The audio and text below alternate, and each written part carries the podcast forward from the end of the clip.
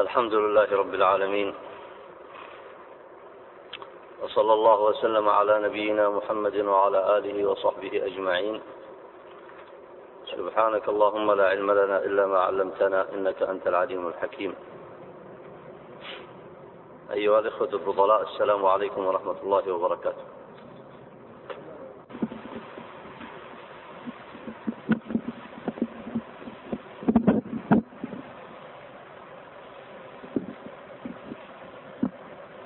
هذا الدرس عنوانه الجهل بلغة العرب سبب من أسباب الوقوع في الأهواء.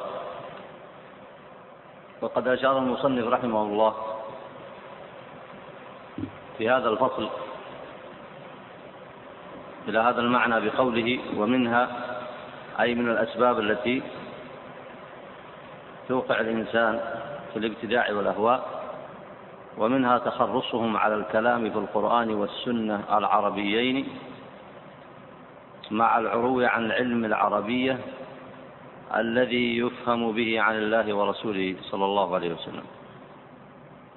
فهذا القرآن نزل بلسان عربي مبين. ويفسر القرآن بالقرآن ويفسر القرآن بالسنة ويفسر القرآن والسنة بكلام العرب أي عن طريق العلماء العارفين بلغة العرب.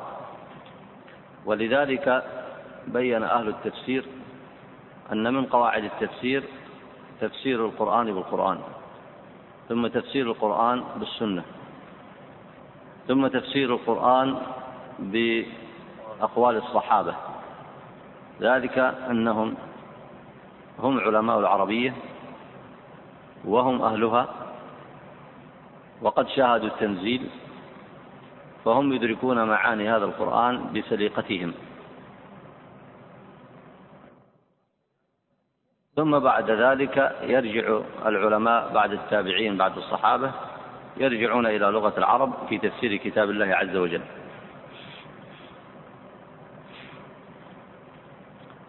وعلى هذه على هذه القاعدة حفظ الله عز وجل الصحابة رضوان الله عليهم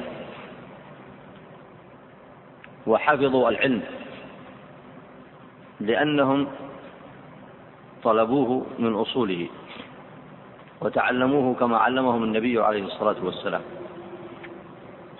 وعلموه للأمم الأخرى وعلموه للناس إذ كانوا هم أي الصحابة قدوة للناس في ذلك.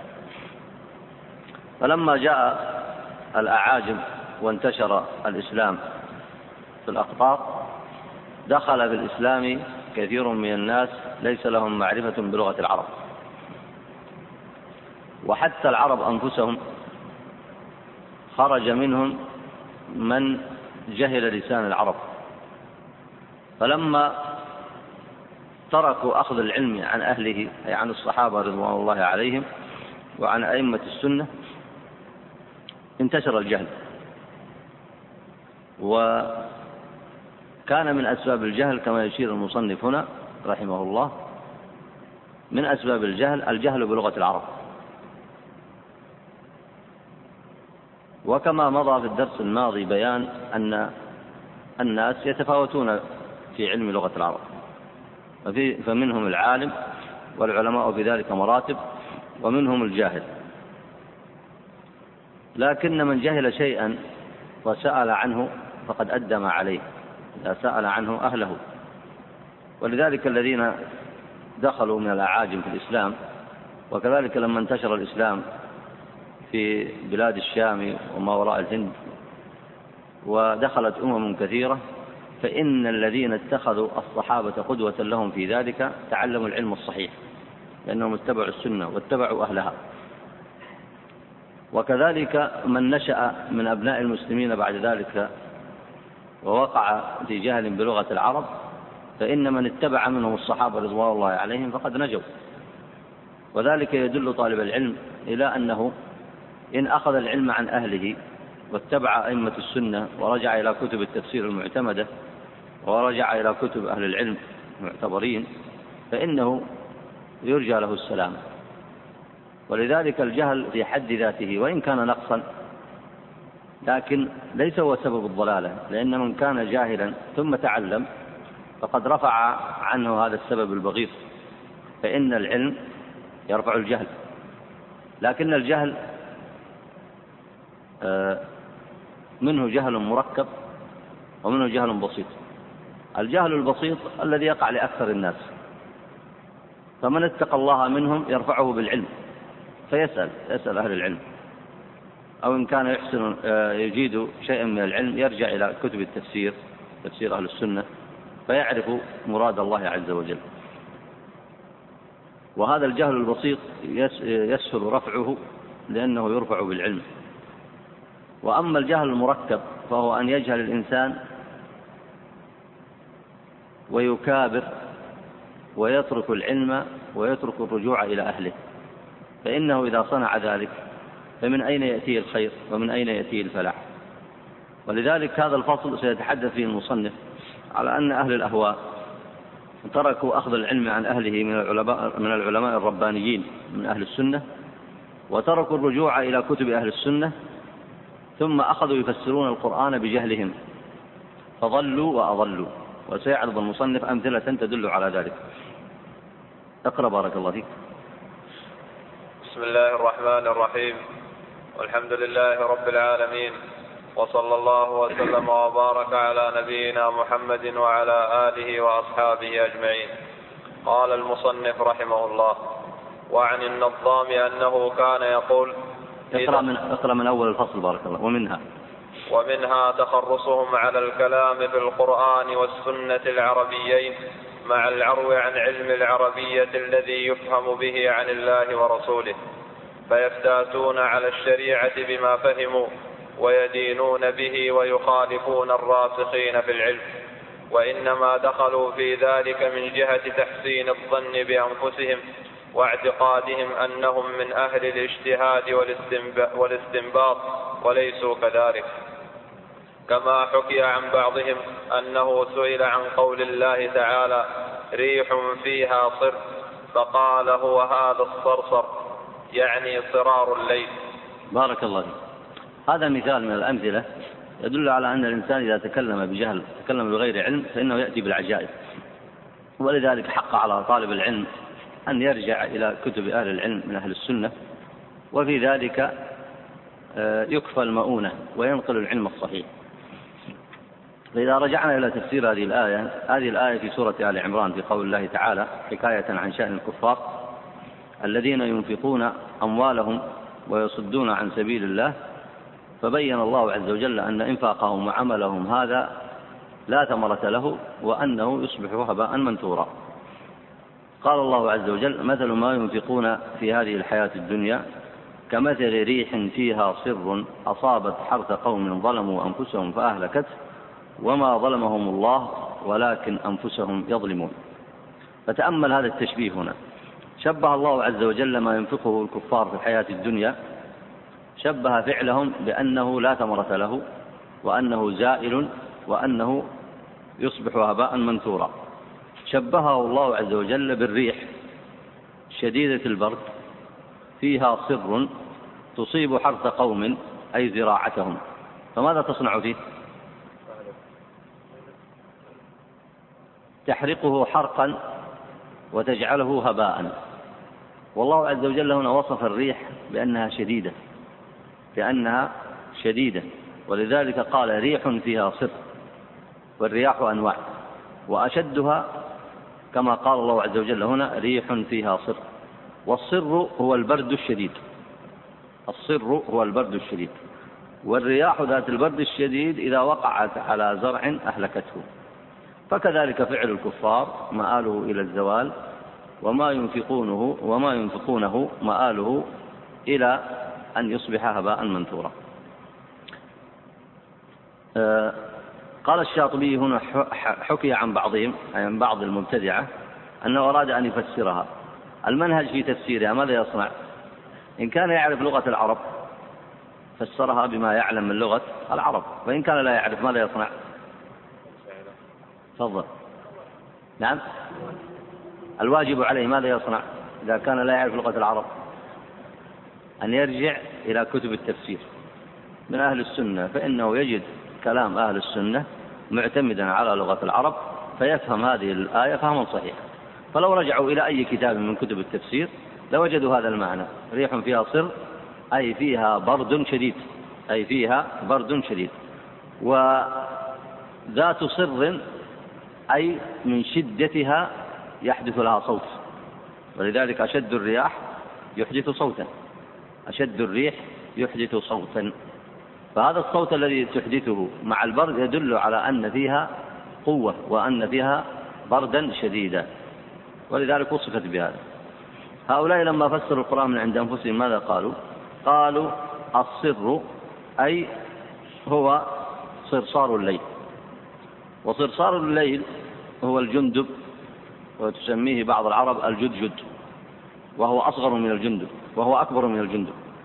هذه دابة. فكأن المعنى على رأيهم إيش يصبح المعنى؟ ريح فيها صر. إذا فسروا بصرار الليل أي تحمل الجنادب فتأمل كيف ذهبوا بمعنى الآية إلى معنى بعيد غير مقصود. فهذا سببه عدم معرفة لغة العرب وعدم أخذ العلم عن أهله. اقرأ الذي بعده المثال الذي بعده. وعن النظام أنه كان يقول إذا آل المرء بغير اسم الله لم يكن موليا قال لأن الإيلاء مشتق من اسم الله. طيب. هنا تكلم في مسألتين. النظام هذا هو من أهل الأهواء من أهل الابتداع. وكان يكثر القراءة بكتب الفلسفة وهو ثالث إمام أو رابع إمام من أئمة المعتزلة. قبله واصل أولهم آه، واصل بن عطاء وثانيهم عمرو بن عبيد وثالثهم الهذيل العلاف ورابعهم النظام.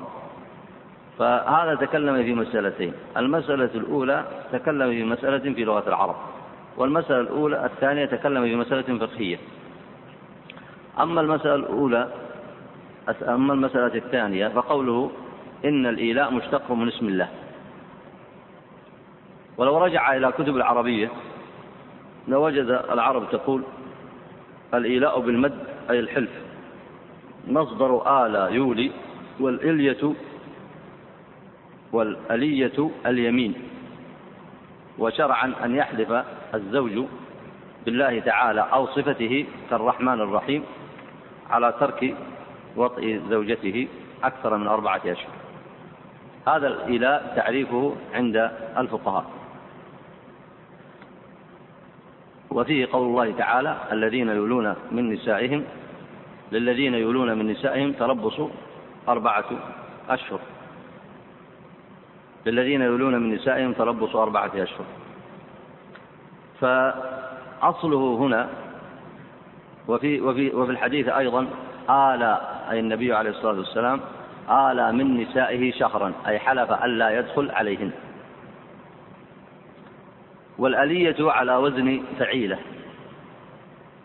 والألايا أو الألية اليمين والجمع ألايا. ومنه قول الشاعر قليل الألايا حافظ ليمينه وإن سبقت منه الألية برتي فهذا كله يدل على أصل الفعل. فهو ليس مشتق ليس مشتقا من اسم الله. فرتب عليه على هذا المعنى اللغوي الذي فهمه خطأ رتب عليه أنه إذا آل أي حلف الرجل بغير اسم الله كان يحلف مثلا بصفة من صفات الله. يعني لو سألك إنسان فقال إذا حلف الرجل ألا يطأ امرأته أربعة أشهر وحلف بصفة من صفة الله كالرحمن والرحيم. أو رب العالمين. أو بأي صفة من صفات الله. لم يحلف باسم الله. هل يسمى هل يعتبر ذلك إله أم لا؟ ما الجواب على ذلك؟ الجواب أحسنت أنه يعتبر إيلاء باتفاق الفقهاء. فليس بشرط أن يحلف باسم الله. فإن حلف باسم الله أو حلف بصفة من صفاته. وكان أهل الجاهلية يحلف الرجل ألا يطع امرأته أبدا فيضار فيضار بها. وتصبح كالمعلقة لا هي زوجة ولا هو يطلقها. فحرم الله هذا الفعل ولذلك الإيلاء محرم. حرم الله عز وجل وضرب الله عز وجل مدة للمولي أربعة أشهر. فإن رجع إلى أهله فإن الله غفور رحيم. وإن عزم الطلاق فإن الله سميع عليم. يعني ولذلك قال العلماء أنه يوقف بعد الأربعة الأشهر فإما أن يرجع إلى أهله لأن الإيلاء بهم ضرر. إذا ترك عشرتها ووطأها فإنه يوقعها في الضرر. فهو مخير بعد أربعة أشهر. إما أن يرجع إليها وإما أن يطلق. فقول النظام هنا إذا آل بغير اسم الله لم يكن موليا ليس بصواب. لأن الفقهاء رحمهم الله قالوا إذا آل باسم الله أو بصفة من صفاته. ثم أيضا قالوا لو حلف بالعتق أو بالطلاق فهل يعتبر موليا أو لا؟ في ذلك قولان عندهم منهم من اعتبره موليا وعلى هذا يكون حكمه حكم اليمين حكمه حكم اليمين. والمصنف يشير هنا إلى أن المبتدعة يتكلمون في آه، ما يتعلق بلغة العرب على غير بينة من أمرهم. اقرأ المثال الذي بعده. وقال بعضهم في قول الله تعالى وعصى آدم ربه فغوى لكثرة أكله من الشجرة. يذهبون إلى قول العرب غوي الفصيل إذا أكثر من اللبن حتى بشم. ولا يقال فيه غوى وإنما غوى من الغي. أي نعم. آه، فهموا هذه الآية أيضا على غير فهمها الصحيح لأنهم فسروها وهم يجهلون لغة العرب. فالآية في حق أبينا آدم والقصة مشهورة معروفة قال الله عز وجل عنه وعصى آدم ربه فغوى. وغوى هنا من الغواية. ولذلك لما رجع وأناب وتاب تاب الله عليه. لما رجع وأناب وتاب تاب الله عليه سبحانه وتعالى. فهم فسروها بماذا؟ فسروها بأن آدم لما أكثر من الأكل من الشجرة بشم وأصابته التخمة بذلك. من قول العرب غوي الفصيل إذا أكثر من اللبن حتى بشم.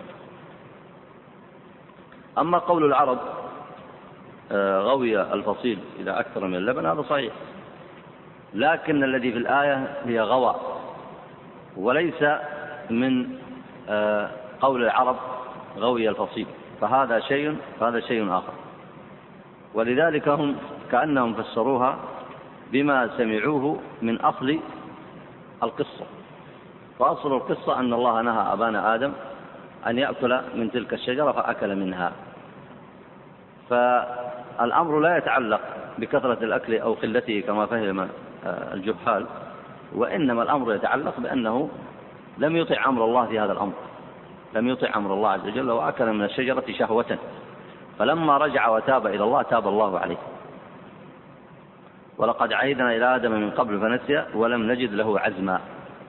فلما عهد الله له بأن لا يأكل من تلك الشجرة فأكل منها أبونا آدم عليه السلام فإنه عصى. وهذا المقصود بالغواية هنا. والفرق بينه وبين عصيان إبليس أن عصيان أبينا آدم كان شهوة وعصيان إبليس كان استكبارا ولذلك المعصية إذا وقعت شهوة كالرجل يقع في السرقة أو الزنا أو غيره فإنه مطلوب منه أن يتوب. وهذه المعصية التي تقع منه شهوة لا تبلغ حد الكفر إلا إذا استحلها لأنه إذا استحلها وقع في الاستكبار فكأنه يعملها يعمل تلك المعصية تمردا واستحلالا واستكبارا. ففرق بين إتيان المعصية شهوة وفرق بين إتيان المعصية استكبارا أو اعتراضا على حكمة الأمر. فجنس فعل إبليس من الكفر جنس فعل إبليس من الكفر لأنه عصى استكبارا ولذلك قال الله عز وجل عنه أبى واستكبر وكان من الكافرين. ولأنه أيضا اعترض على حكمة الأمر ولذلك كان بسبب ذلك كافرا متمردا على طاعة الله. أما معصية آدم معصية أبينا آدم عليه السلام فإنها معصية شهوة ولذلك تاب فتاب الله عليه.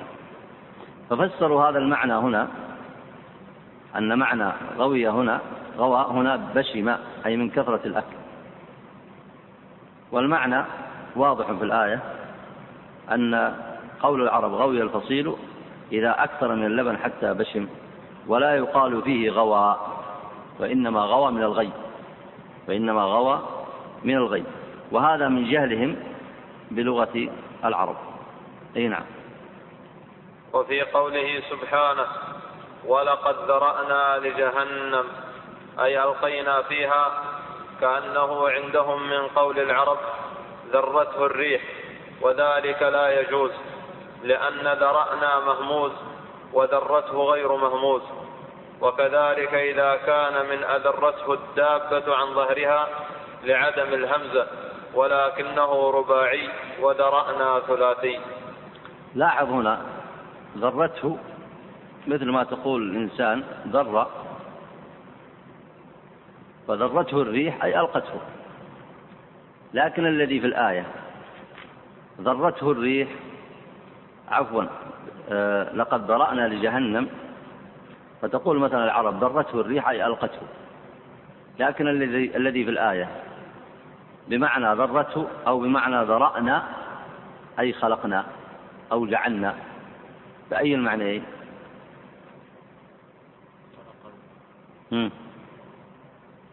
تفضل. بمعنى إيش؟ خلقنا وجعلنا. ما الذي حملهم على هذا التفسير؟ يعني يصبح معنى الآية لقد ذرأنا لجهنم كثيرا من الإنس. آه، يصبح معنى الآية عندهم ألقينا فيها. ألقينا فيها. والمعنى الأصلي في الآية المعنى الصحيح؟ ولقد خلقنا لجهنم أو ذرأنا لجهنم. لماذا لجأوا إلى هذا التفسير؟ من يعرف السبب؟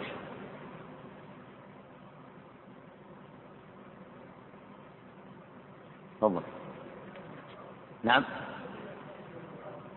لجهلهم بلغة العرب.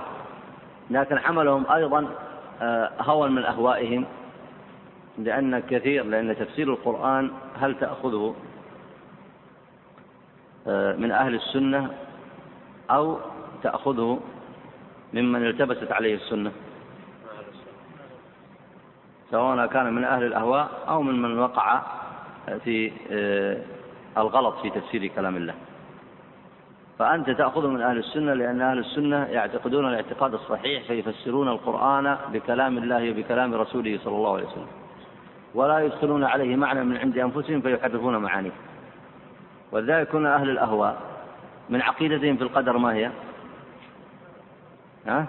يقولون الأمر أنف ويتعجبون أن الله قد علم ضلالة العبد كما أن الله قد علم هدايته. وهذا قد مضى معكم في مسألة القدر هنا فلا نعيده. ومذهب أهل السنة في القدر كما هو معلوم أن الله محيط بعلم الكائنات كلها. ولا يكون إلا ما قدر سبحانه وتعالى. ومشيئته نافذة. وجعل الله عز وجل برحمته جعل العبد مشيئة. وخيره فمن اختار طريق الهدى أعانه وسدده وأثابه. ومن اختار طريق الغواية في ذلك نهاه الله عنها ولم يرضى له الكفر ويعاقبه على ما صنع. هذه عقيدة واضحة بينة وعلم الله عز وجل بها من الأزل. لا يعني إجبار العبد. هذا الأمر لم يفهمه المبتدعة. ولذلك استشكلوا أن الله قال هنا ولقد ذرأنا لجهنم أي جعلنا لجهنم.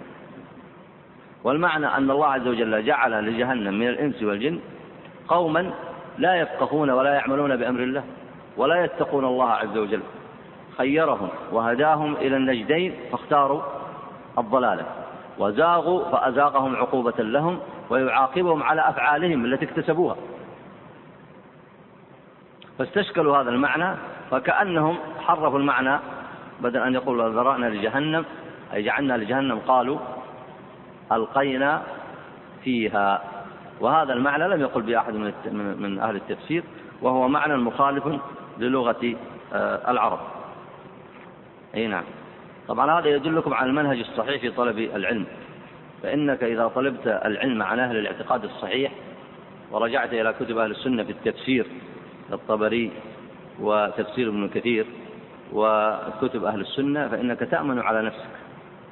لأنهم يفهموا الاعتقاد الصحيح وأخذوا عن الله ورسوله صلى الله عليه وسلم.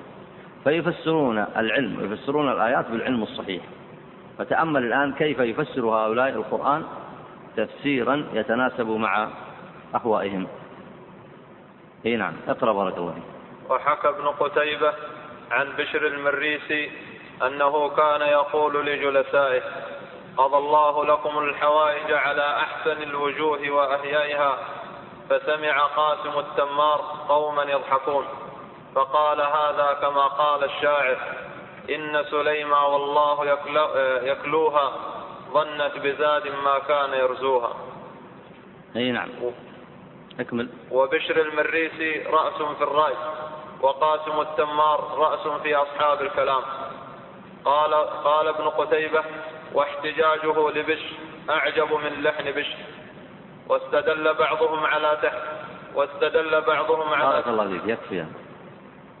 هنا يشير الشاطبي إلى قصة وقعت آه، يبين فيها أنهم يجهلون لغة العرب. فذكر هذا المعنى آه، وحكاه ابن قتيبة في اختلاف آه، الحديث واختلاف اللفظ عن بشر المريسي وهو من أئمة المبتدعة. يقول إنه كان يقول يقول لجلسائه قضى الله لكم الحوائج على صحح هذه على أحسن على أحسن حال وأهنأها. يعني هنا في خطأ في الطباعة. على أحسن حال وأهنأها. هكذا أورد القصة ابن قتيبة وغيره.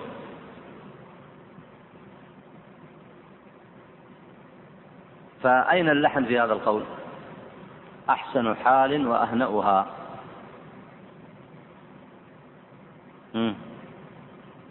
الصحيح ما هو؟ ماذا يقول.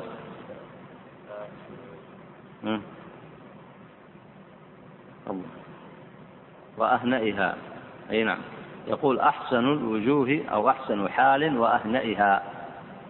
لأنها مضاف إلى ما قبله والمضاف يكون مجرورا. يقول فسمع قوما يضحكون أي يضحكون على لحنه. آه، العرب كانت تضرب على اللحن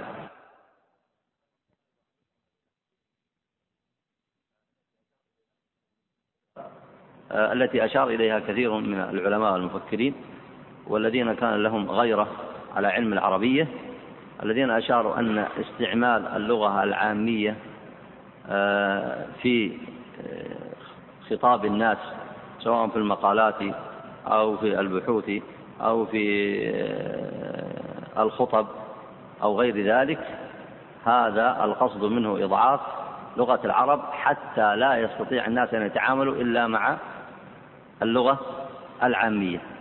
وطبعا لكل قوم لغة ولكل شعب لغة. وهذا يؤدي إلى تفريق الناس ويؤدي إلى ضعف علم المسلمين بلغتهم. فالعرب عندما كانوا يضربون على اللحن كانوا يشعرون أن حماية اللغة العربية هي حماية للعلم. يشعرون أن حماية اللغة العربية هي حماية للعلم. ولذلك كانوا يلاحظون اللحن في الكلام. فلما سمعه الناس هنا يقول آه، فسمع قوما يضحكون. فسمع قاسم التمار وقاسم التمار أيضا من أئمة المبتدعة يقول فسمع قوما يضحكون. أي الناس الذين كانوا يجلسون بجوار آه، بجوار المتحدث عرفوا أنه قد لحن فضحكوا عليه. قال فسمع قوما يضحكون. فأراد أن يعتذر له. بأي شيء اعتذر له؟ اعتذر له بقول الشاعر إن سليم والله يكلأها. ظنت بشيء ما كان يرزأها. آه، ومعنى يكلأها أي يحفظها. وظنت بشيء أي بخلت بشيء ما كان ينقصها أن آه، تعمل به أو أن تقدمه. ما كان يرزقها أي ما كان ينقصها. وفي رواية ظنت بزاد ما كان ينقصها أي بخلت به ولو أنها آه، قدمته أو جادت به ما كان ذلك ينقصها. وقال الشاطبي هنا فيما حكاه عن ابن قتيبة وبشر المريسي رأس بالرأي أي في الابتداع. وقاسم التمار رأس في أصحاب الكلام. قال ابن قتيبة واحتجاجه لبشر أعجب من لحن بشر. يعني اللحن الأول في كلام بشر واضح إنه جعل المضاف مرفوعا والمضاف حقه الجر الكسر. ثم احتج له بهذا البيت وهذا البيت وإن كان صحيح من حيث اللغة لكن احتجاجه آه، له آه، احتجاجه في هذا الموضع غريب. وإلا فإن البيت بهذه اللغة صحيح. آه، إن سليمة والله يكلؤها ظنت بشيء ما كان يرزقها لكن لعله يقصد أن لحنه لا يضره أن لحن بشر المريسي لا يضره ولو أنه أراد ألا يلحن لما صنع. كأنه لعله يريد أن يشير إلى هذا. لكن هذه القصة تفيد إلى أن العلماء كانوا ينكرون اللحن وكانوا يعرفون أن سبب سبب آه، اختلاط العلم هو الجهل بلغة العرب. أي نعم. واستدل بعضهم على تحليل شحم الخنزير بقول الله تعالى ولحم الخنزير فاقتصر على تحريم اللحم دون غيره فدل على أنه حلال. وربما سلم بعض العلماء ما قالوا وزعم أن الشحم إنما حرم بالإجماع والأمر أيسر من ذلك فإن اللحم يطلق على الشحم وغيره حقيقة حتى إذا خص بالذكر. قيل شحم كما قيل عرق وعصب وجلد. ولو كان على ما قالوا لزم ألا يكون العرق والعصب ولا الجلد ولا المخ ولا النخاع ولا غير ذلك مما خص بالاسم محرما وهو خارج عن القول بتحريم الخنزير. أي نعم. يعني فهم بعض المبتدعة وهم يجهلون لغة العرب أن التحريم بالنسبة للخنزير خاص بلحمه دون دون شحم. لأن المذكور في الآية اللحم والشحم أو اللحم فقط. اللحم. فأخرجوا الشحم من التحريم. وهذا الفهم مخالف للغة العرب ومخالف لكلام أهل التفسير. فإن العرب إذا أطلقت اللحم دخل فيه دخل فيه الشحم. كما يدخل فيه العروق والعصب والمخ والنخاع وهذا أمر معلوم. لكن لجهلهم ظنوا أن اللحم إنما يطلق على آه، آه، أنه لا يطلق على الشحم وإنما هو خاص بما سوى ذلك. وجهلوا قول العرب. تقول العرب رجل لحيم إذا كان إذا كان سمينا. رجل لحيم إذا كان سمينا. فهم إذا أطلقوا اللحم دخل فيه الشحم ولذلك التحريم الذي ورد وإن كان ورد في في لحم الخنزير لكن يدخل فيه الشحم أيضا. وهنا ما هو أعجب من ذلك في تفسيرهم وهذا يدل على غاية الجهل فيما هم فيه. فقد فسروا مثلا قول الله تعالى يوم ندعو كل أناس بإمامهم. ما معنى الإمام هنا؟ يوم ندعو كل أناس بإمامهم نعم. ارفع صوتك. اي نعم. بنبيهم أو بالمقدم فيهم كالذين يعبدون غير الله عز وجل يعبدون الطواغيت يدعوهم بإمامهم بكتبهم بالمقدمين فيهم لأن هذا المعنى آه، ظاهر في الآية من أن إماما جمع. يوم ندعو كل أناس بإمامهم. أي ندعو كل أناس مجموعين بإمامهم المقدم فيهم. كيف فهموا آه، بعض المبتدعة؟ قالوا إمام آه، لفظ جمع. جمع أم بإمامهم بأن هذا اللفظ جمع أم. قد تسمع بعض القصص الخرافية فتتعجب من أين تأتي إلى الناس. تأتي لهم بما يتصورونه من العلم الذي ليس بصحيح يتصورونه من الجهل ثم يرتبون عليه معلومات آه، خرافية لا أصل لها. ففهموا هنا أن آه، لفظ بإمامهم جمع أم وأن الناس يدعون يوم القيامة بأمهاتهم. يدعون يوم القيامة بأمهاتهم. ثم رتبوا على هذا وهذا تفسير عند بعض الخرافيين ورتبوا على هذا التفسير أن الحكمة من الدعاء بالأمهات دون الآباء حتى لا يفتضحوا أولاد حتى لا يفتضحوا أولاد الزنا. انظر يعني كيف تترتب المعاني الفاسدة بعضها آه، تترتب المعاني الفاسدة بعضها على بعض. ثم قالوا أيضا رعاية لحق عيسى عليه السلام. لأنه ليس له أب. فكل هذه التفسيرات ومبنية على ماذا؟ وهذه الخرافات مبنية على الجهل بلغة العرب. ومن ذلك أيضا تفسيرهم لقول الله تعالى آه، فانكحوا ما طاب لكم من النساء مثنى وثلاثة ورباع.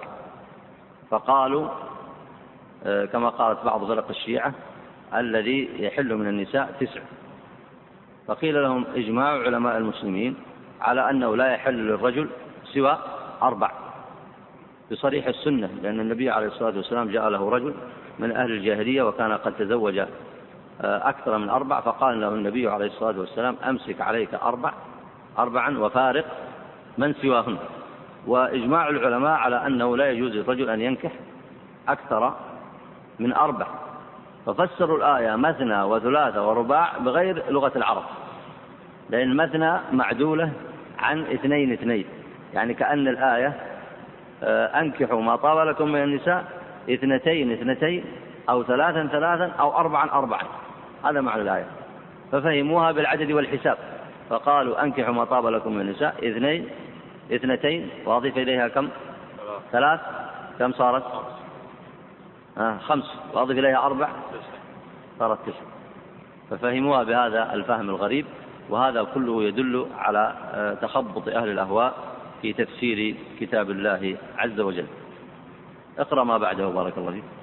ويمكن أن يكون من خفي هذا الباب مذهب الخوارج في زعمهم ألا تحكيم استدلالا بقوله تعالى إن الحكم إلا لله. فإنه مبني على أن اللفظ ورد بصيغة العموم فلا يلحقه تخصيص. فلذلك أعرضوا عن قول الله تعالى فابعثوا حكما من أهله وحكما من أهلها وقوله يحكم به ذوى عدل منكم. وإلا فلو علموا تحقيقا قاعدة العرب في أن العموم قاعدة قاعدة العرب إيه. تحقيق قاعدة العرب في أن العموم يراد به الخصوص لم يسرعوا إلى الإنكار ولقالوا في أنفسهم لعل هذا العام مخصوص فيتأولون وفي الموضع وجه آخر مذكور في موضع غيرها غير هذا غير هذا أي نعم. وكثيرا ما يوقع الجهل بكلام العرب في مجاز لا يرضى به عاقل. أعاذنا الله من الجهل والعمل به بفضله. آمين. آه لاحظ هنا وتأملوا هذه المسألة تأملا جيدا. آه مذهب الخوارج فهموا من هذه الآية إن الحكم إلا لله كما قال الشاطبي هنا فهموا منها صيغة العموم. أي أنه لا يكون هناك حكم بين الناس ولا يجوز لأحد أن يحكم بينهم. وهذا المعنى غريب جدا. لا يفهمه إلا من جهل لغة العرب. وقال الشاطبي هنا فهموا صيغة العموم وظنوا أنه لا يلحق تخصيص. فلذلك أعرضوا عن قول الله تعالى فابعثوا حكما من أهله وحكما من أهلها.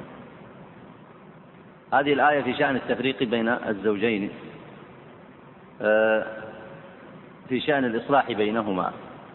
فإن لم يمكن الإصلاح بينهما يفرق بينهما. فقبل التفريق يجري الإصلاح عن طريق حكمين حكما من أهله وحكما من أهلها. ماذا يصنع الحكمان؟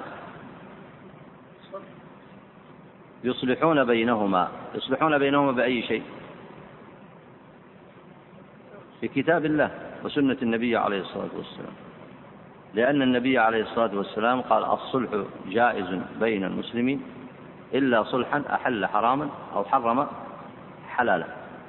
فإذا أصلحوا بينهما بكتاب الله فهل يكونوا ممدوحين في ذلك أو مذمومين؟ يكونون ممدوحين. فمعنى إن الحكم إلا لله هنا معناه إنشاء الحكم وتقريره.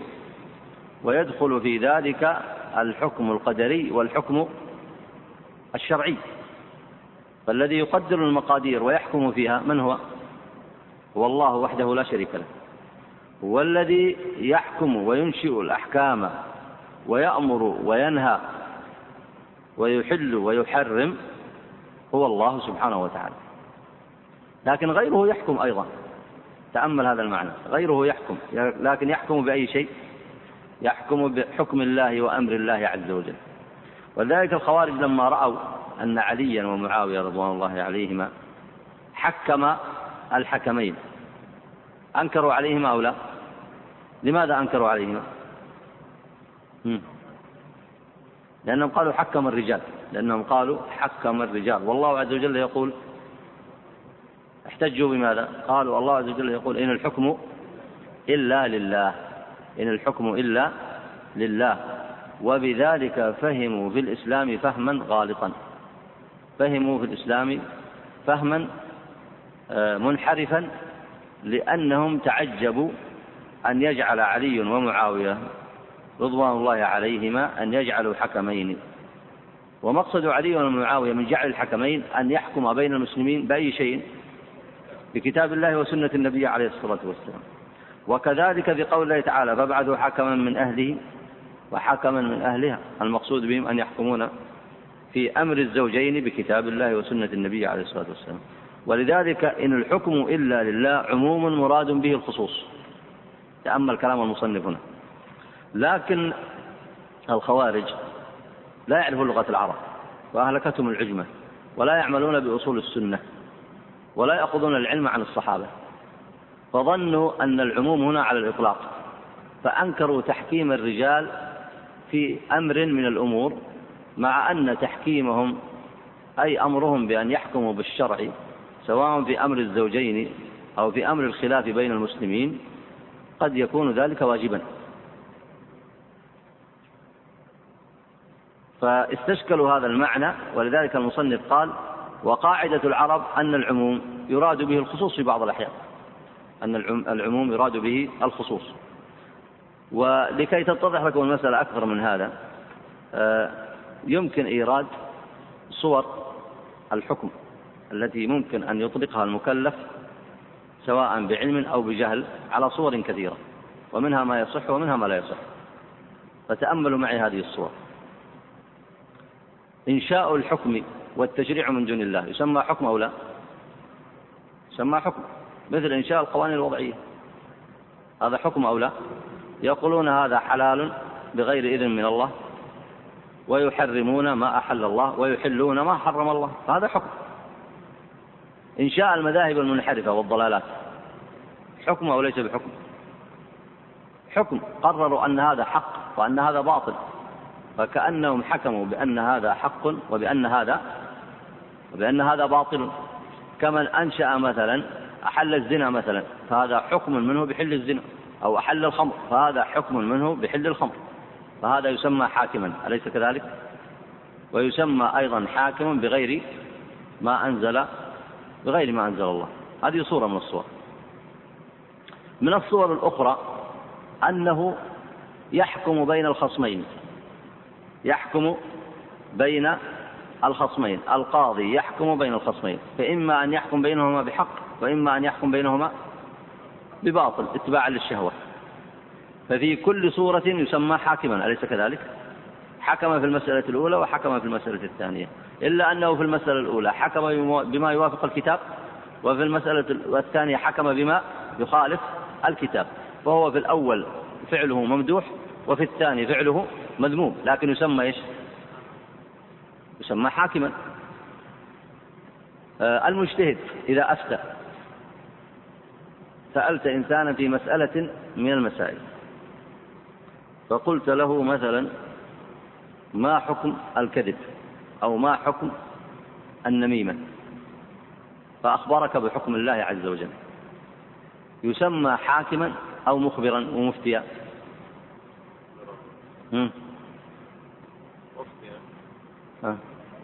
يسمى مفتيا. وكذلك الفقهاء لما يكتب يدونون كتب آه، في كتب الفقه مسائل الحلال والحرام يسمون مجتهدين ولا يسمون حاكمين ينشئون الأحكام ويقررونها من عند أنفسهم. ماذا تسمونهم؟ مجتهدون مفتون وسواء كتب فتواه أو أخبر بها. فهو مخبر عن حكم الشرع فيسمى مجتهدا ويسمى مفتيا هل ممكن أن يسمى مشرعا؟ يعني يشرع الأحكام من عند نفسه من عند من عند نفسه إذا سألته أنت من أين جئت بهذه الأحكام؟ قال جئت بها من الكتاب والسنة أو اجتهدت لآتي بها من الكتاب والسنة سواء أصاب أو أخطأ فهو لا يقول أنا آتي بها من عند من عند نفسي ولا يقول أنشئها إنشاء فهو مجتهد ومبلغ عن الله أي عن كتاب الله وسنة النبي عليه الصلاة والسلام. ويسمى مفتيا ويسمى عالما ويسمى فقيها. فهذه صور من الصور الذي يمكن أن تتأمل الآن كيف تدخل في هذه الآية. ممكن أن تأتي للإنسان وهو يواقع معصية من المعاصي يزني أو يسرق. ممكن يأتي إنسان فيسميه حاكم بغير ما أنزل الله؟ تصح هذه التسمية؟ ما تصح لأنه فاسق وعاصي يعني هو عامل بخلاف ما أنزل الله صح؟ عامل بخلاف ما أنزل الله مرتكب للفسق. خارج عن شرع الله بسبب الكبيرة التي ارتكبها. الخوارج لجهلهم بلغة العرب يسمون الفاسق حاكم بغير ما أنزل الله. لاحظت الآن؟ فإذا سموه حاكم بغير ما أنزل الله يدخلونه في الآية أو ما يدخلونه ومن لم يحكم بما أنزل الله فأولئك هم الكافرون. ولذلك كفروا أصحاب المعاصي كالزاني والسارق ومن وقع في كبيرة من الكبائر. هذا العموم الذي فهموه عموم غير صحيح. لأن العموم الذي في الآية هنا إن الحكم إلا لله عموم مخصوص. إن الحكم إلا لله. هذه وردت في أكثر من موضع. منها ما يخص الحكم القدري. شوف لاحظ حتى تفهم القرآن فهما صحيحا. منه ما ما يراد به الحكم القدري. ولذلك ورد في قصة يوسف ماذا قال الله ماذا قال الله على لسان آه، يعقوب؟ يا يا يا بني لا تدخلوا من باب واحد ها؟ وادخلوا من أبواب متفرقة. وما أغني عنكم من الله من شيء إن الحكم إلا لله الحكم القدري تأمل.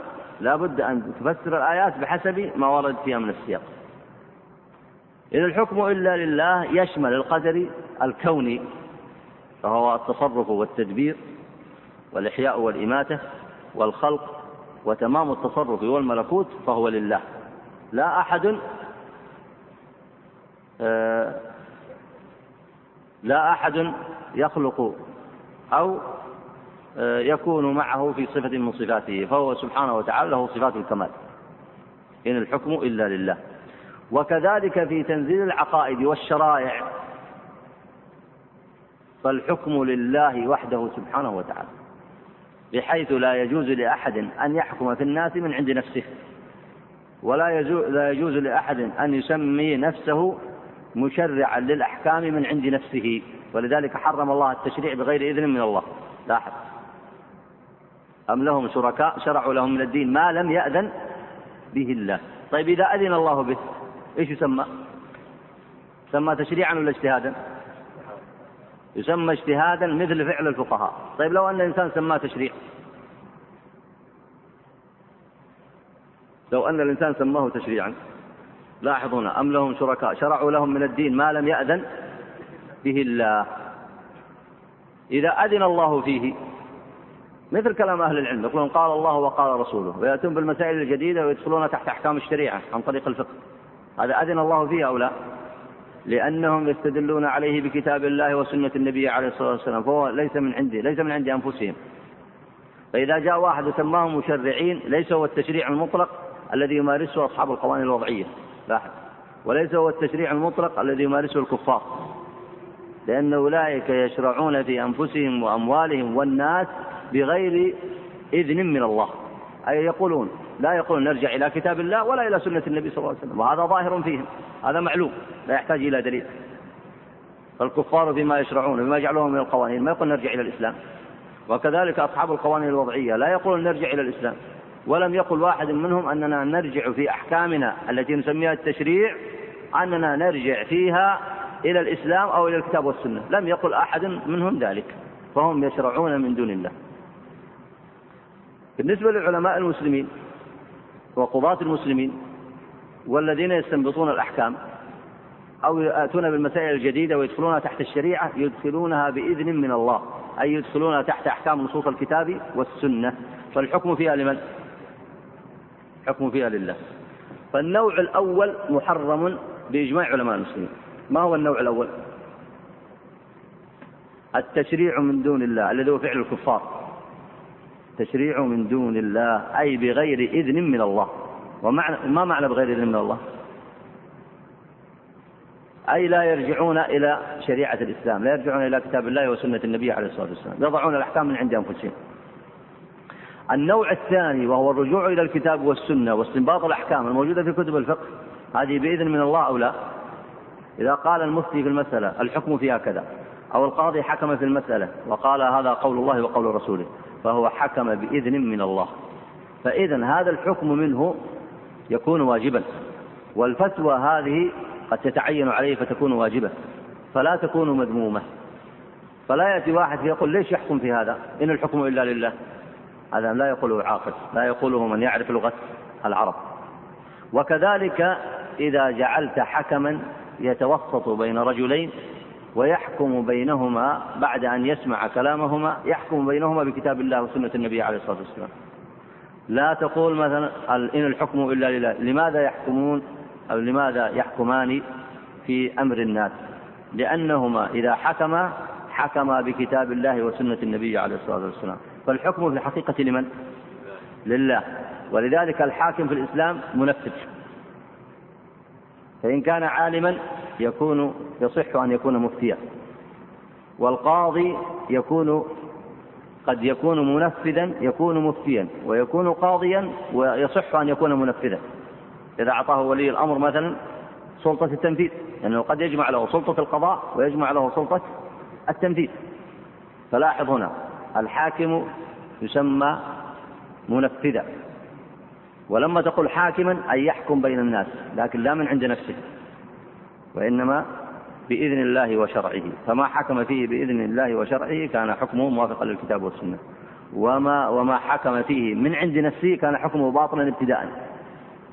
والقاضي والمفتي يسمى قاضيا ومفتيا. وإن سمي حاكما فالمقصود حاكما بما أنزل الله بإذن الله ولا يجوز له إلا ذلك. وكذلك الحكمين عندما يحكمان سواء في أمر الزوجين أو في أمور الأمور الخلافية العامة بين المسلمين. فإنهم أيضا يسمون يسمون حاكمين لكن المقصود أنهم يحكمون بأمر الله عز وجل. فتأمل هذا فمن أدخل هذا في قول الله تعالى إن الحكم إلا لله أدخل هذا كله. إن الحكم إلا لله بمعنى لا يجوز لأحد أن يحكم بين الناس فإنه يكون غالطا. وإن قصد أنه لا يجوز أن يحكم أحد بين الناس إلا بحكم الله وشريعته لإبطال مثلا شرائع الكفار ولإبطال القوانين الوضعية ولإبطال الحكم بغير ما أنزل الله فقال إن الحكم إلا لله فقد صدق. فتأمل هذه المعاني وهو ما أشار إليه المصنف هنا بقوله قاعدة العرب في أن العموم يراد به الخصوص ولذلك تفسير هذه المصطلحات من الأمور من الأمور المهمة بالنسبة لطالب العلم حتى يضع كل شيء في موضعه الصحيح. نعم. فمثل, فمثل هذه الاستدلالات لا يعبأ بها وتسقط مكالمة أهلها ولا يعد خلاف أمثالهم. هذه قاعدة أهل السنة لأن اللي لا يلتزم المنهج العلمي الصحيح ولا ينقل الكلام عن أئمة السلف والسنة ولا يفهم لغة العرب فما فائدة الكلام معه؟ هذا يحتاج أن يعلم. هذا يحتاج أن يعلم. فإما أن يتقي الله فيسمع العلم ويشرح الله صدره للعلم ويتوب عليه وإما أن يكون مكابرا فلا فائدة في الكلام معه. فمثل هؤلاء يعرض عليهم العلم لعلهم يهتدون لعلهم يتعلمون لعلهم يستعتبون. هذه فائدة كلامهم. أما مكالمتهم من حيث مجادلتهم فإنه لا فائدة فيه. لأن ليست هناك قاعدة لهم تستطيع أن تردهم إليها لأنهم يجهلون آه، مسائل العلم ويجهلون لغة العرب. نعم.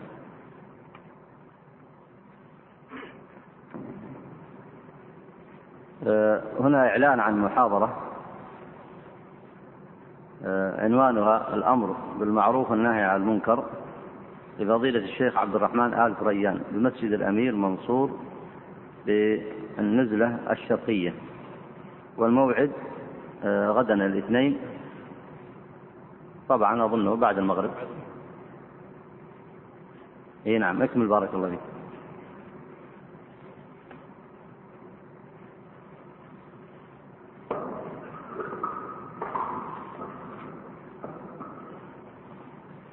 وما استدلوا عليه من الأحكام الفروعية أو الأصولية فهو عين البدعة إذ هو خروج عن طريقة كلام العرب إلى اتباع الهوى.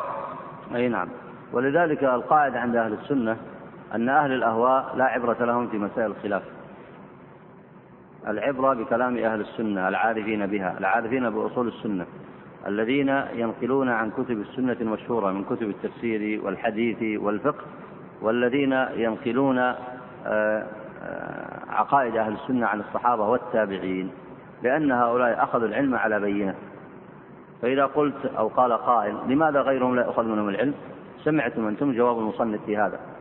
لأنهم يأتون بالعجائب ويتكلمون في العلم بغير بينة ولا يرجعون فيه إلى أهله. والسؤال هنا هل يقبل من أحد أن يتكلم في الطب بدون الرجوع إلى أهله؟ ويصنع من نفسه طبيبا؟ أو يتصور أن يكون مهندسا؟ بدون أن يعرف أصول الهندسة ويأخذ هذا العلم عن أهله؟ فهذا في الأمور المادية فما بالك في أهم الأمور التي هي أهم من الطعام والشراب. ولذلك المصنف هذا قال تسقط مكالمتهم أي لا فائدة فيها. لا فائدة فيها لأنهم لا يعرفون لغة العرب ولا يرجعون إلى علم الصحابة والتابعين ولا يرجعون إلى كتب أهل السنة. فما الفائدة في مناقشة هؤلاء؟ فهؤلاء يجب على أهل السنة أن يعلموهم الحق ويبينوه لهم. لكن ما يمكن أن يعتبرونهم أهل العلم يعني ما معنى العلم؟ إذا قيل أهل العلم ما معنى أهل العلم؟ إذا قال البخاري مثلا في كتابه آه، الصحيح قال أهل العلم هم أهل السنة. ما المقصود بأهل العلم؟ المقصود بأهل العلم أي علم الكتاب والسنة. العلم الذي ورثه النبي عليه الصلاة والسلام لأصحابه. فمن عرفه وحفظه أو نقل عن أهله فهو حجة في ذلك. شرط أن يقول قال الله وقال الرسول ويرجع إلى كتب أهل العلم المعتبرين أن يفسرها بلغة العرب وينقل من كتب السلف والصحابة والتابعين.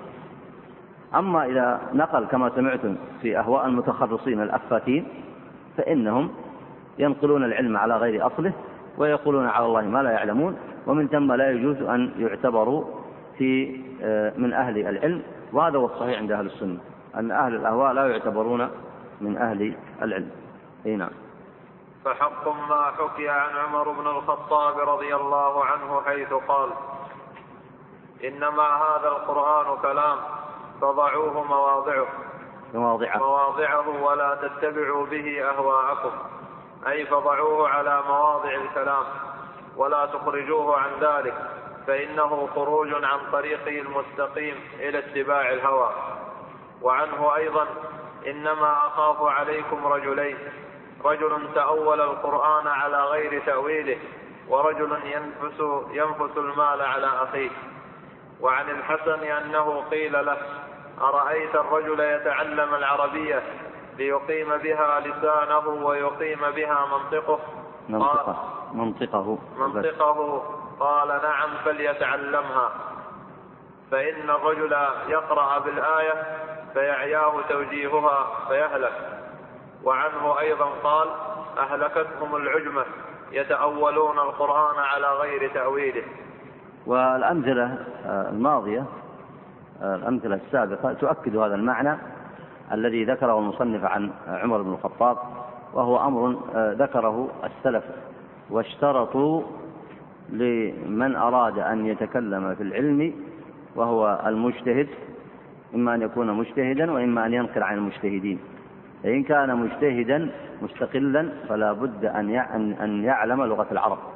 وهو إن احتاج إلى غيره لكن العلم بلغة العرب بالنسبة له شرط وإما أن ينقل العلم عن المجتهدين فهذا لا يشترط فيه أن يحيط بلغة العرب لكن يشترط فيه أن يرجع إلى مصادر العلم الصحيحة وينقل عن أهل السنة المعتبرين ويرجع إلى إلى كتبهم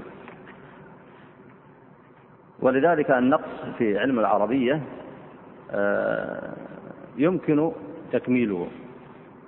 وذلك أن ترجع إلى أحد أمرين. إما إلى تعلم علم العربية بحسب طاقتك وجهدك فإن آه، قصرت عن ذلك فعليك ألا تنقل شيئا عن كتاب الله تفسير آية من كتاب الله أو تفسير حديث إلا عن أهله. والمقصود بأهله أن ترجع لكتب التفسير تفسير أهل السنة وكتب الحديث. فإذا وصلت إلى هناك فقد وصلت إلى منطقة آمنة. وعليك أيضا أن تقرأ هذا العلم أيضا على أهله حتى لا تفهمه على غير مواضعه. لكن من رجع إلى هذه المصادر وعلم تفسيرها تفسيرا صحيحا فهذا قد أمن على نفسه. وأكمل النقص الذي عنده. وأكتفي بهذا المقدار وصلى الله وسلم على نبينا محمد وعلى آله وصحبه أجمعين.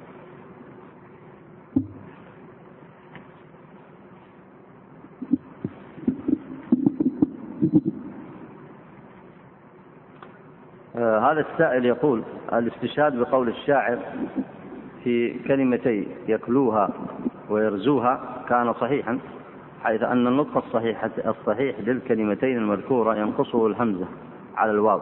وبالتالي فإن البيت ليس صحيحا بظاهره وهذا شاهد الاستدلال. فما تعليقكم على ذلك؟ السائل يقول أن البيت المذكور هنا عند المصنف يدل على خطأ آه، قاسم التمار وأنه لحن فيه بدليل أن البيت كما سبق إن سليم والله آه، يكلأها ظنت بشيء ما كان يرزقها الذي مكتوب عندكم في النسخة بدون همس. كذا أو لا؟ الذي عندكم في النسخة بدون همس. فالسائل يظن أن أن الرجل أن قاسم التمار هذا وهو رأس من رؤوس أهل الكلام أنه قرأه بدون همس. فتعتبر فيعتبر هذا لحنا. كيف تعرف أنه قرأه بدون همس؟ إذا رجعت إلى ترجمته وإلى أصل القصة. إذا رجعنا إلى أهل إلى أصل القصة وإلى ترجمة ترجمة بشر وقاسم التمار فإن البيت قد قرأه بالهمس. وأما ما ذكر هنا في الطبعة فهذا غلط من آه، الطابع. فهو حذف الهمز هنا مع أن الصحيح إثباته ولذلك أثبته. فإن الرواية المنقولة في ترجمة بشر آه الرواية المنقولة في كتب التراجم بالهمز. إن سليمة والله يكلأها وعلى هذا فلا لحن في البيت. آه فلماذا أورده المصنف إذن؟ أورده كما قلت لكم لأن قاسم التمار أراد أن يعتذر لصاحبه فيقول إن هذا لا يضره إن نقص فيه. فهو تفسير منه لقول صاحبه لكن هو لم يلحن في قراءة البيت. وحتى لو أن البيت ليس بمهموز أيضا ليس بلحن لأن عدم الهمز أيضا آه، لغة عند العرب كما هي لغة قريش. أي نعم. يقول السائل هنا آه، هناك شيوخ قبائل يحكمون بين الناس آه، بالعدل. ولكن لا يرجعون إلى الكتاب والسنة. هذا أمر عجيب. كيف يحكمون بالعدل وهم لا يرجعون إلى الكتاب والسنة؟ هم؟ نعم.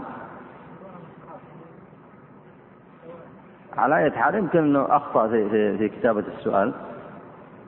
آه، يقول ولكن لا يرجعون إلى الكتاب والسنة ولكنهم يرجعون إلى العادات والتقاليد. فهل يندرجون تحت من لم يحكم بما أنزل الله؟ رغم ما في حكمهم من الصواب. هذا سؤال عجيب. كيف لا يرجعون إلى الكتاب والسنة ويصيبون؟ كيف يحكم إنسان بين الناس وهو لا يرجع إلى الكتاب والسنة ويكون حكمه صوابا؟ على أي حال أذكر لك كلام أهل العلم في هذه المسألة. أما الذين يحكمون بالعادات والتقاليد ولا يرجعون إلى الكتاب والسنة فهم حاكمون بغير ما أنزل الله. أي يحكمون بتقاليدهم وأعرافهم ولا يحكمون بما أنزل الله. وهذا أمر لا شك فيه ولا ريب. ولا يشك فيه إنسان عاقل. أن من لم يرجع إلى الكتاب والسنة لا يمكن أن يتصور أنه يحكم بما أنزل الله. وإنما يحكم بغير ما أنزل الله. الأمر الثاني الذي اتفق عليه العلم أن هؤلاء ليس لهم الحق أن يحكموا بين الناس. يعني الحق في الحكم بين الناس محصور في من يحكم بينهم بكتاب الله وسنة النبي عليه الصلاة والسلام. هذه قاعدة متفق عليها. بمعنى أنه لا يجوز لأحد أن يحكم بين الناس ولا يجوز لهم أن يتحاكموا إليه إذا كان لا يحكم بينهم بالكتاب والسنة. محرم عليه أن يصنع ذلك ومحرم على الناس أن يذهبوا إليه كائنا من كان. كائنا من كان. فهذه آه، القاعدة أو هاتان القاعدتان كافية في الجواب على هذا السؤال. فإن قال قائل يصلحون بعض بعض الأحيان. فقد ذكر أهل العلم أن من أراد أن يصلح فعليه شرطان.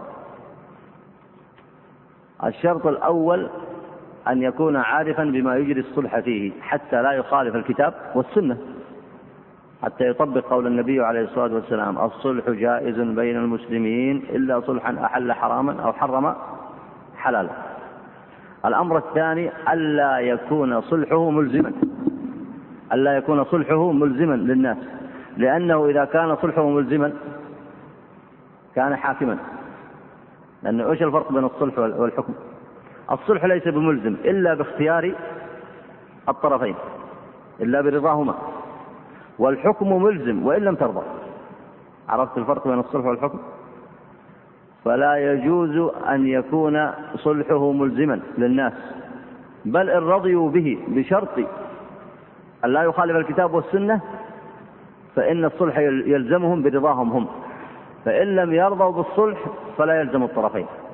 فإن جاء شيخ القبيلة فقال لا أنا أصلح بينكم وألزمكم بالصلح فإنه ينتقل من من الصلح إلى الحكم وليس لأحد أن يحكم إلا أن يكون عارفا بالكتاب والسنة.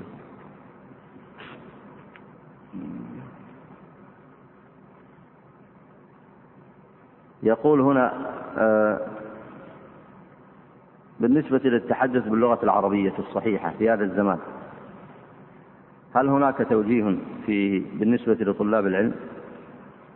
التوجيه آه، ذكره علماء الإسلام أن الكلام بلغة العرب من المحاسن ومن العادات الطيبة فعلى الإنسان أن يلزم نفسه أن يتكلم بلغة صحيحة ما استطاع إلى ذلك سبيلا ولا يتجوز في هذا إلا في شيء يسير مما تقع به أعراف الناس. لكن ليتعود ما استطاع أن يتكلم بلغة صحيحة. وهذه المسألة تحتاج إلى ندوات وتحتاج إلى محاضرات. لكن ممكن أن آه، آه، أشير هنا إلى أصل هذه المشكلة التي وقعت بين الناس. متى كثر كثر اللحن في الناس؟ ومتى كثر الضعف في لغة العرب عند أبنائنا من الطلاب. متى؟ لما فصلنا بين القول والعمل. فهو يتعلم النحو في المدارس. كذا ولا لا؟ يعرف المبتدأ ويعرف الخبر ويعرف الفاعل والمفعول ويعرف كذا. لكن لا يطبق شيئا. فحينئذ لا يصحح نطقه بل قد يتعلم من الأعاجم. يعني نحن الآن في كثير من أحوالنا بدل أن نعلم الأعاجم اللغة الصحيحة صرنا نتعلم منهم اللغة الركيك. وكل واحد يفتش في نفسه وما منا وإلا. اللي عنده سائق ولا عنده أحد ولا عنده عمال. انظر كيف تتكلم من بعض الأحيان. فمنا من يدرك نفسه من قريب ويحاول يصحح لنفسه ومنا من يسترسل. فإذا به يتكلم كما يتكلم ذلك الأعجمي. هذه مشكلة عظيمة لكن كيف تحل؟ أولا أن يتأدب الناس بالمحافظة على لغة العرب لأن المحافظة عليها دين. ولا أقصد أنه يتقعر في الكلام وإنما المقصود أن يقيم لسانه. فهذه من الأمور التي ينبغي الاعتناء بها وليس هذا الموضع موضع التفصيل فيها لكن تستحق محاضرات وتستحق ندوات وتستحق آه، مقالات وكتابات. وهي مشكلة من المشاكل الرئيسية. وليس هذا في لغة العرب حتى في مسائل العلم والدين. أن كثير من الناس فصل بين العلم والعمل. يعني يتعلم شيئا ولا يعمل به من أمور الدين. فما الذي يستفيد إذن؟ والطالب يتعلم لغة العرب في المدارس ولا يلتزم بشيء منها في كلامه. فمتى يتعلم إذا لغة العرب؟ أي نعم.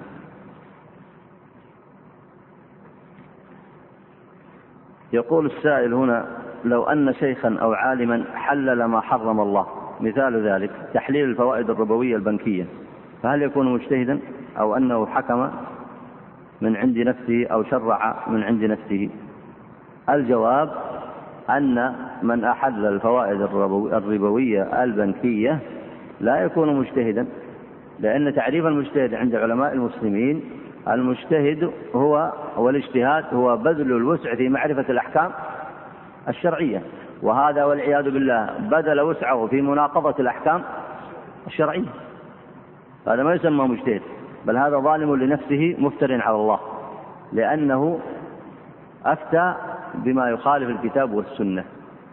ولذلك من المشاكل التي تعيشها المجتمعات المعاصرة أن أكثر الفساد الذي دخل إليها من أوروبا آه، وجد آه، أناسا يتكلمون باسم الإسلام لا يتقون الله عز وجل يحلون ما حرم الله ويحرمون ما أحل الله ويفتون الناس بذلك. لكن هذا لا يعذر الناس بل على الناس أن يجتمعوا على علماء السنة ولا يأخذوا شيئا إلا بدليله. وإلا هناك من يفتي بحل الفوائد البنكية. لكن إجماع علماء المسلمين منعقد على تحريمها.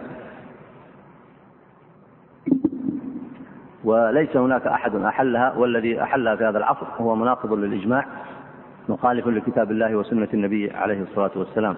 داخل في قول الله تعالى ومن يشاقق الرسول من بعد ما تبين له الهدى ويتبع غير سبيل المؤمنين نوله ما تولى ونصله جهنم وساءت مصيرا.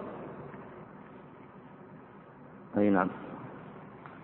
وهذه الآية استدل بها الإمام الشافعي في كتاب الرسالة على من خالف إجماع آه، الأمة وخالف إجماع علماء المسلمين. أي نعم. آه، نكتفي بهذا المقدار وصلى الله وسلم على نبينا محمد وعلى آله وصحبه أجمعين.